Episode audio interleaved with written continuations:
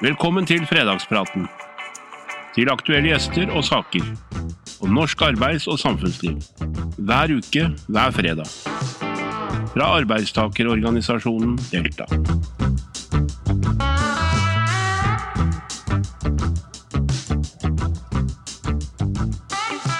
Hei og velkommen til en eh, ny fredagsprat. Håper dere alle har hatt en eh, fin påske. Nytt enten det var i byen eller på fjellet, eller for den saks skyld på strender et eller annet sted i Norge eller utlandet. I hvert fall er våren her, den går mot lysere tider. Men fredagspraten, vi fortsetter. I dag skal vi snakke med Håvard Ottemo Paulsen, som er leder i Audiografforbundet. Og Audiografforbundet det dreier seg om noe så grunnleggende som hørsel. Og hjertelig velkommen, Håvard, og takk for at du kunne ta deg tid til en prat med oss i Fredagspraten. Takk for det. Skulle bare mangle. Du er jo leder for det som heter Audiografforbundet i Delta. Kan du fortelle hvem er det som er medlemmer hos dere? Det er kun utdanna audiografer. Så det vil si da autoriserte, autoriserte audiografer og audiografstudenter. Ja. Mm. Og hva gjør en audiograf? Ja, øh, vi er jo ansatt både på sykehus og hos avtalespesialister, altså i helsevesenet. Og så har vi ganske mange som er selgere, som jobber for apparatprodusenter. Så har vi noen uh, som jobber i Nav. Og så har vi noen, ja, to-tre i kommunen. Så dere jobber altså med å tilrettelegge bedre hørsel og hjelpe folk som har hørselshemninger eller uh, svekkelser til å få et optimalt liv, sånn Ja. kort fortalt. Kan du si, vi, vi jobber med hørsel fra, fra A til Å. Ja. Første gang vi, du kanskje møter oss, det er rett etter du er født. Da er det alle barn som blir født i Norge, blir screena for hørsel, heldigvis. Som gjør at vi oppdager de aller fleste hørselstap eh, veldig tidlig. Og hvis den testen da ikke blir bestått, så kommer du da med lille barnet til oss og testes eh, på nytt igjen, da. Mm. Altså videre utreda. Så går du slag i slag da, til du er i andre enden av, av livet, og hørselen antageligvis eh, Eller den blir jo svekka etter hvert. Mm. Så vi, vi jobber med mennesker i, i alle aldre, og med hørsel eh, ja, på alle mulige måter, kan du si. Hvor mange medlemmer har du? Vi har drøye 400 medlemmer. Ja. Mm, stort og smått. Og det er det som dekker nesten hele uh, audiografmarkedet i Norge, eller har dere noen konkurrenter òg? Nei, vi har ingen konkurrenter. Det er kun vi Mm. som uh, sånn systematisk i alle fall or- organiserer audiografer. Ja. Så er vi da, av den medlemsmassen, så er vi ca. 330 kliniske audiografer, da. Altså de som jobber direkte med pasienter. Fortell litt om utdanninga til en audiograf. Hva, hva omfatter den? Det er da en eh, bachelor i audiologi. Mm. Så det er kanskje litt forvirrende at vi ikke heter audiologer. For vi har jo en bachelor i audiologi, så vi er jo utdanna som audiolog, men da litt mer formelle ting, så blir vi da eh, audiografer. Og er jo da autorisert eh, helsepersonell. Så utdanninga den dekker, den dekker da første året gjerne med utredning. Altså finne ut om man hører dårlig, og hvorfor man hører dårlig. Og så det videre til eh, rehabilitering. Altså hvordan skal man da komme seg videre i å ha et godt liv med, med nedsatt hørsel eller hørselsproblem. Du var kanskje for så vidt litt inne på det, men gjerne utdype. Hvor jobber medlemmene dine? Altså Du sa sykehus, og er det spesialisthelsetjenesten på sånne egne hørselavdelinger, eller er de også ute i kommunehelsetjenesten og jobber ute? Vi jobber altså stort sett kun i spesialisthelsetjenesten, Ja. kan du si. Hvilket egentlig er ja, eh, Men vi burde jo, da, som du sier, det, helt naturlige for en så primær hørsel, altså sans som hørsel, da, ville vært at vi jobba i kommunen. Og det er jo noe som Audiografforbundet har mye fokus på, da. At vi syns vi vi er for langt unna eh, folk. Altså vi er litt gjemt da i spesialisthelsetjenesten framfor å kunne jobbe mer bredt i, i kommunen. Så det er jo en, en drøm, kan du si, da, at vi kunne fått kommunale audiografer i, i Norge. Sånn helt konkret, hva, hva jobber dere med? Altså hva er det dere gjør? Altså, når du kommer inn til oss, la oss si typisk nok da, ta meg som eksempel, på, jeg jobber på, på Ahus, mm. så er det jo henvist av noe bekymring hørsel. Mm. Det første er er jo da en, så ulike typer for, for tester. Den mest klassiske er jo det når du får de hodetelefonene på, på hodet, så får du beskjed om å trykke på knappen når du hører, hører pip. Mhm. eh, der de viktigste lydene er de svakeste. Mm. Og da kartlegger vi jo grovt hørselen din, altså hvordan du da kan høre pipelyder. Og hvis den er normal, så er det klart at da må vi jo spørre litt mer, da, hvorfor du er henvist, eller hvorfor du føler at du hører dårlig, fordi eh, ja, man kan jo føle at man hører dårlig, selv om man hører pipelyder godt. Så må vi jo ta tak i den biten der, da. Så det, det kan virkelig kjele meg. For meg personlig så syns jeg det er gøy å kjøre de pipelydene. da. Begynne å få litt hørselstap, da, begynne å tenke hvilken diagnose kan det her være? Hva er det som, som gjør at, eh, at hørselen her er nedsatt? Mm. Um, og så det er også det forklare det til, til pasienten, da. Og så forklare de, her, de ulike grafene, de ulike testene. For det kan jo bli Det er jo veldig teknisk Mm. eh, på et papir, og så er det jo det for å få det tekniske over i et litt mer folkelig perspektiv, da. Hva Mm. betyr det for deg i, i hverdagen? Du har mennesker som, som på papiret hører fryktelig dårlig, men så forteller de at de ikke gjør det. Hører det de vil høre. Ja, det er jo en luksus som de som hører normalt har. Vi kan velge hvem vi, hvem vi vil, og hva vi vil høre, for vi har filter Mm. som fungerer i hjernen vår, men når hørselen begynner å svekkes, så svekkes også de filtrene.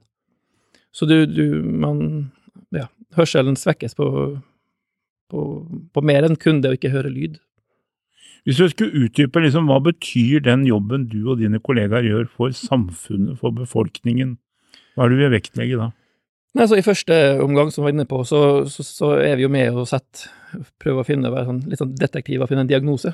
Og Det å finne riktig diagnose er jo selvfølgelig svært, svært viktig. Det er også diagnoser i en hørsel som er livs, livstruende. Øret er veldig nært hjernen, Mm. så bare den med en ørebetennelse kan jo faktisk utvikle seg til noe som er livs, livstruende. Mm. Eh, Så det er jo nummer én. Eh, Og det er selvfølgelig samarbeid med øre-nese-hals-leger. Vi jobber jo veldig tett, Mm. tett på legen. Og legen er jo neste, neste post, da. Og det er jo legen som er ansvarlig for å finne og tolke det vi har funnet ut av. Så hvis det er noe medisinsk, den type ting, så er det jo legen da som tar det her videre. Mm. Men hvis pasienten ellers er frisk, men kun har nedsatt hørsel, så er det jo gjerne altså hørselsrehabilitering da ved hjelp av høreapparat som, som er neste, neste steget, da. Mm. Mm. Og det er klart at det å begynne med, med høreapparat, eller det først det å begynne å høre dårlig, og det å begynne å falle utafor samfunnet, falle utfor samtalen, den type ting, det er jo Det, det preger deg veldig som menneske. Mm. Uh, på den måten at du Du tenker kanskje ikke over at du hører dårlig, men du merker at du kanskje blir, du blir fortere sliten. Og er du eldre, så tenker du at jo, men det her er naturlig, jeg er jo eldre. Det skulle bare mangle at ikke jeg klarer å henge med på bitchen lenger. Eller i en debatt. Eller eh, sant. I Ja. politikken, hvis man er der. Det er naturlig, jeg er blitt eldre. Det her er slitsomt. Og så kutter man kanskje ut sine verv og sine sant. Og så isolerer man Man kutter mer og mer. Mm.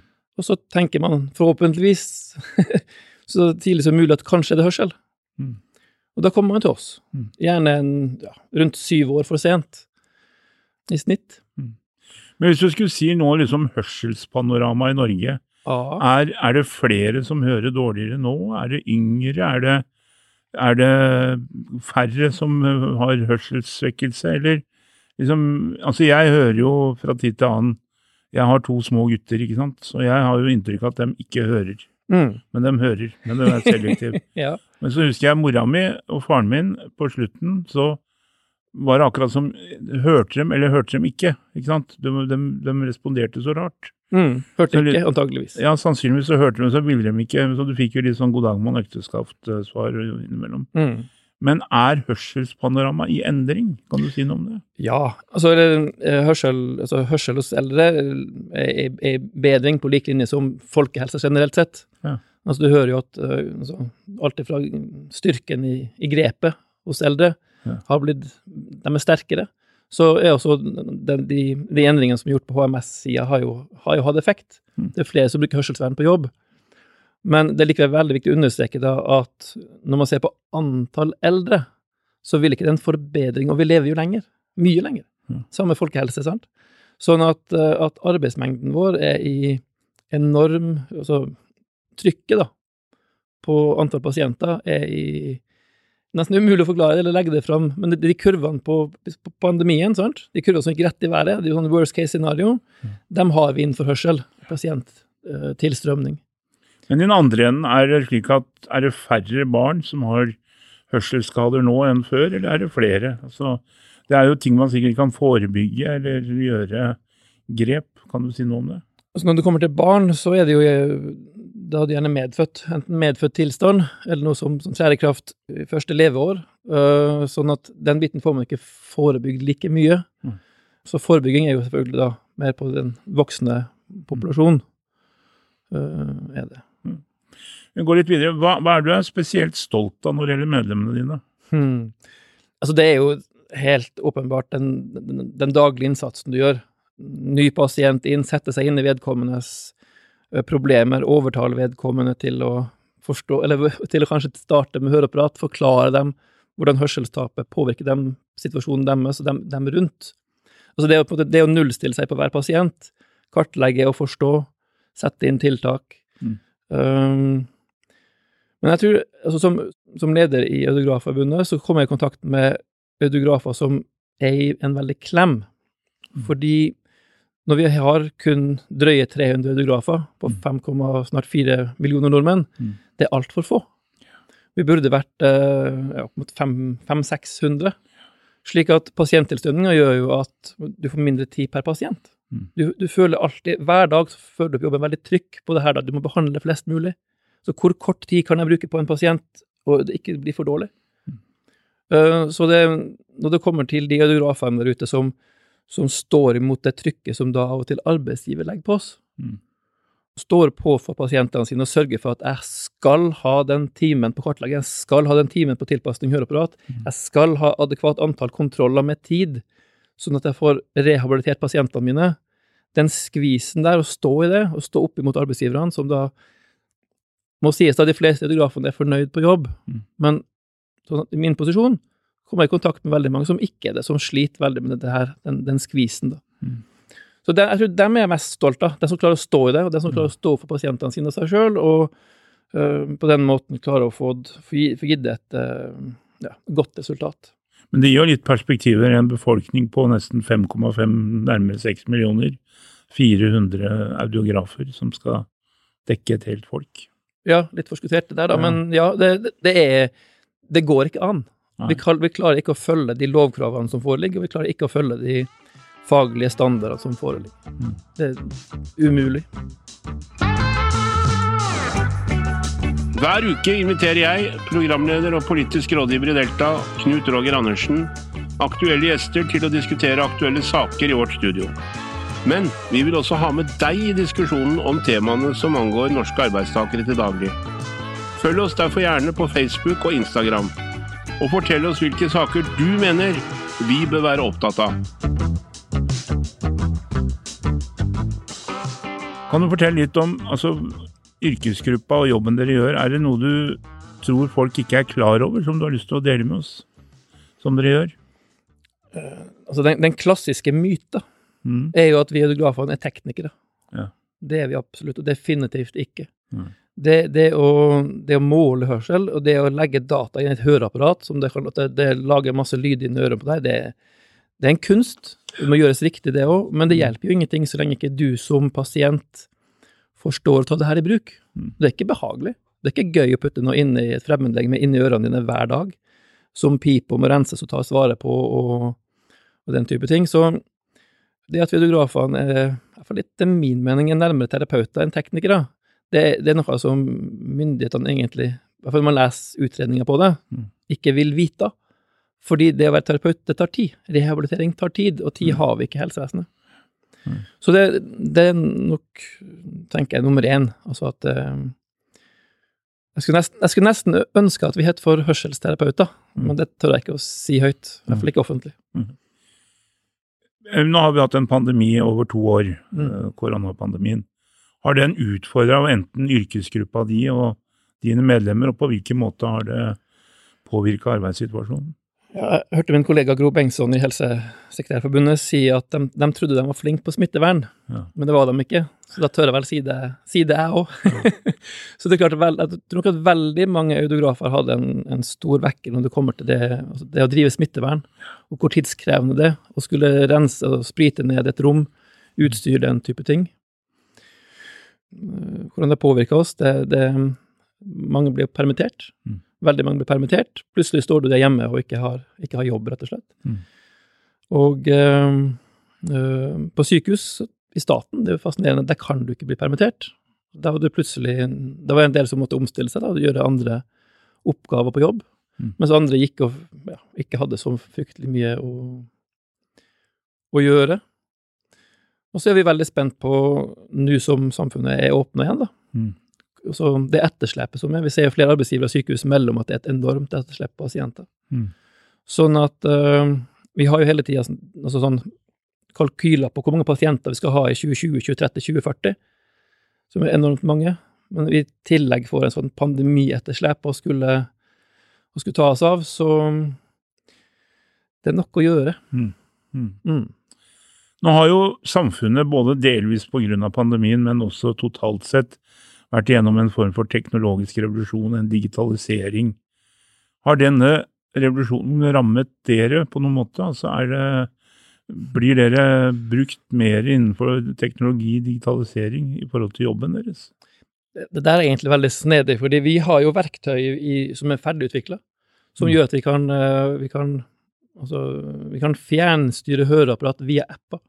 Mm. Justere dem øh, etter alle mulige parametere, og vi kan til og med via de appene som er utvikla, ha en video, videosamtale Mm. med brukerne våre. Men av rigide ja, det, Jeg skal si det er unødvendig rigide, men det er jo veldig gode reglement som ligger innenfor GDPR, altså Mm. det med person, personvern, så får ikke vi lov å vi får ikke lov å ta det i bruk, rett og slett. Mm. For det her er helsedata, som da går via en eller annen sky et eller annet sted i verden. Uh, også hvem skal eie de dataene? Uh, så der Det er veldig mye ugjort der, kan du si. Veldig mye ugjort. Også hørselstesting. Det å trykke på en knapp når du hører en lyd, det er jo fryktelig gammeldags. Ja. Så det er klart at innenfor audiologien så ligger det store teknologiske framsteg framfor oss. Så har, og så har vi en del bak oss som vi ikke får tatt i bruk, da, fordi samfunnet endrer seg ikke like kjapt da, som teknologien, naturlig nok. Mm. Men, eh, men som audiograf så er du jo vant teknologi. Mm. Altså, det kommer nye høreapparat, nye modeller hvert eneste år. Det kommer nye versjoner av de digitale verktøyene vi bruker for å tilpasse høreapparat. Men øh, arbeidsledig, det blir vi nok ikke med det første. Mm. Fordi folk trenger folk. Så når du er i en situasjon der du skal ha gjennom en sånn livsstilsendring som det er å starte med høreapparat, og det å Mm. få det forklart Jo, du hører dårlig. Mm. Jo, det påvirker deg. Jo, eh, hjernen din, den å ta litt den råtne før tida, for ikke du gidder å bruke høreapparat. Mm. Det tror ikke jeg du klarer å få fra en datamaskin. Mm. Det er mer sånn det, det må du nok ha veldig personlig levert. Mm. Mm. Håvard, hva er uh, Audiografforbundet og du er veldig opptatt av nå? Hvilken er liksom den viktigste saken for dere akkurat nå?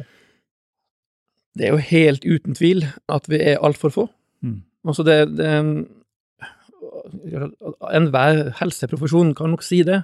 Mm. Men når du ser på den, den samfunnsutgiften og den personlige belastninga det er å høre dårlig, Mm. så er det for meg helt uforståelig, altså he, og utilgivelig, rett og slett, Mm. at, ikke, at vi som samfunn ikke er bedre rusta for å ta oss av folk, folk som, som hører dårlig.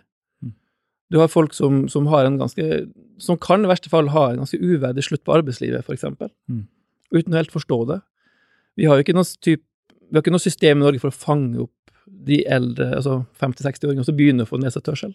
Man må forstå det sjøl, og da, det forstår man jo sjøl altfor sent. Mm. Så at vi må ha et større antall audiografer for å kunne Altså, det, det er veldig mange milliarder vi taper per år.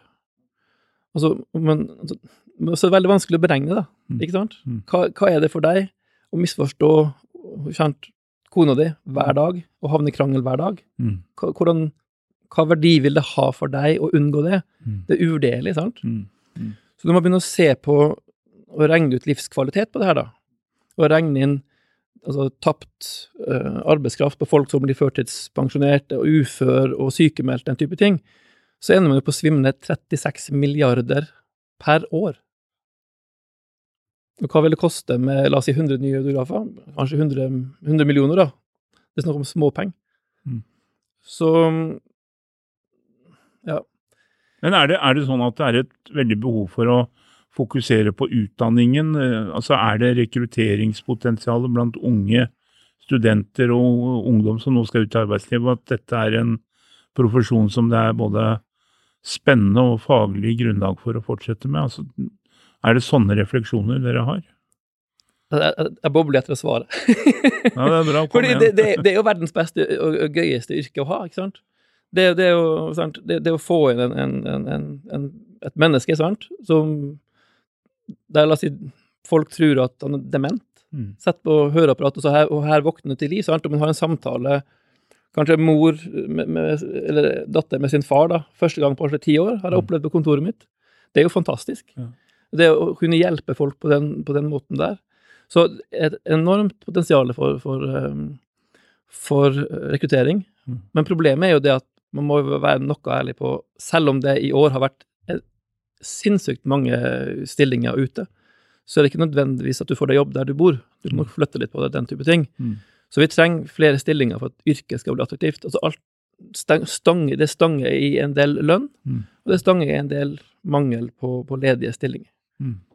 Ja, fordi jeg tenker som du sier at hvis du mister hørselen, så skjer det noe med deg som menneske, både fysisk, men også psykososialt. Altså, du får ikke tatt del, du blir kanskje sosialt ekskludert, ensomhet. Vi veit at det er nå en endring i, i sykdomspanoramaet i Norge, hvor psykiske lidelser er den store folkesykdommen.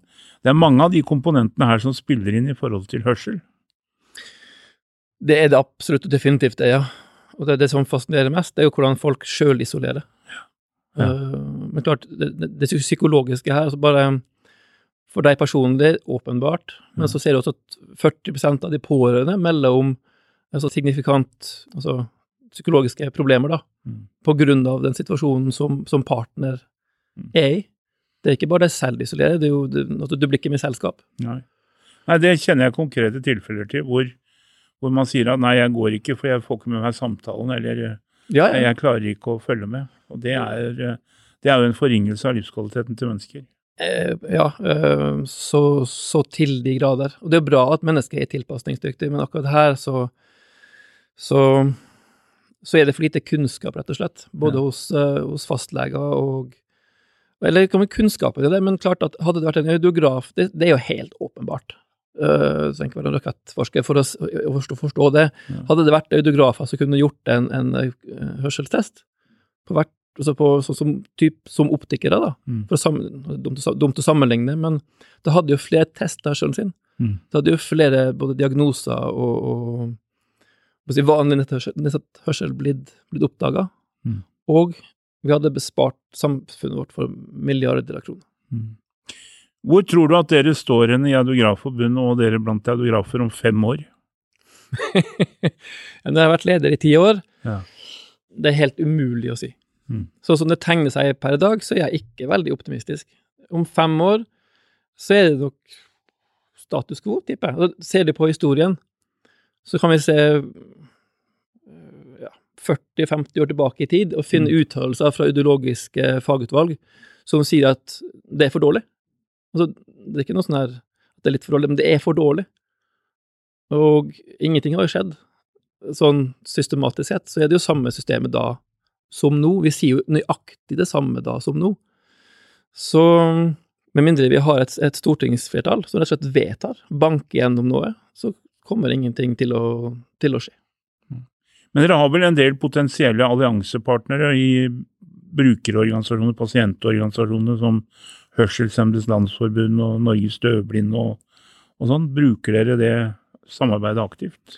Vi har et veldig tett og godt samarbeid med, med Hørselshemmedes Landsforbund. Ja. Det har vi absolutt. Og de er jo altså Det å selge hørsel, sant, det er Det er ganske lett, egentlig, for det, det ligger så nært oss. Men måten de jobber på, og alle de avisoppslagene som de har fått, så klart hørsel er jo på agendaen Mm. i media i stor grad. Men det er det å få omgjort alle de oppslagene til noe faktisk, Ja. som er den store utfordringa. Mm. Men jo, vi har et godt, og, godt samarbeid den veien. Håvard Rotemo Paulsen, dette var en kjempeinteressant samtale. Vi må gå mot slutten. Jeg har lyttet og lært mye. Men eh, det er fredag. Absolutt. Hva gjør Håvard i helga? Hva skal du Nei, på? Det er jeg har fire unger, da, så det er tut og kjør alle veier. Og fotballtrening og fotballkamper og uh, speider, speiderleir. Ja. Um, så det, det er nok å gjøre. Da har du nok å gjøre. Mm. Tusen hjertelig takk, Håvard, for at du tok deg tid til å komme. Lykke til til deg og Audiografforbundet i det arbeidet dere både gjør og skal ta fatt på. Takk for. Takk for at du hørte på og så. Ta en eh, fin eh, helg. Nå kommer våren. Nyt sola. Så ses vi neste fredag. Ha det bra. Takk for at du lyttet til Fredagspraten. Hvis du har lyst til å vite mer om Delta, så kan du besøke vår hjemmeside www.delta.no, eller også finne oss på sosiale medier. Du finner lenken i episodebeskrivelsen. God fredag og god helg!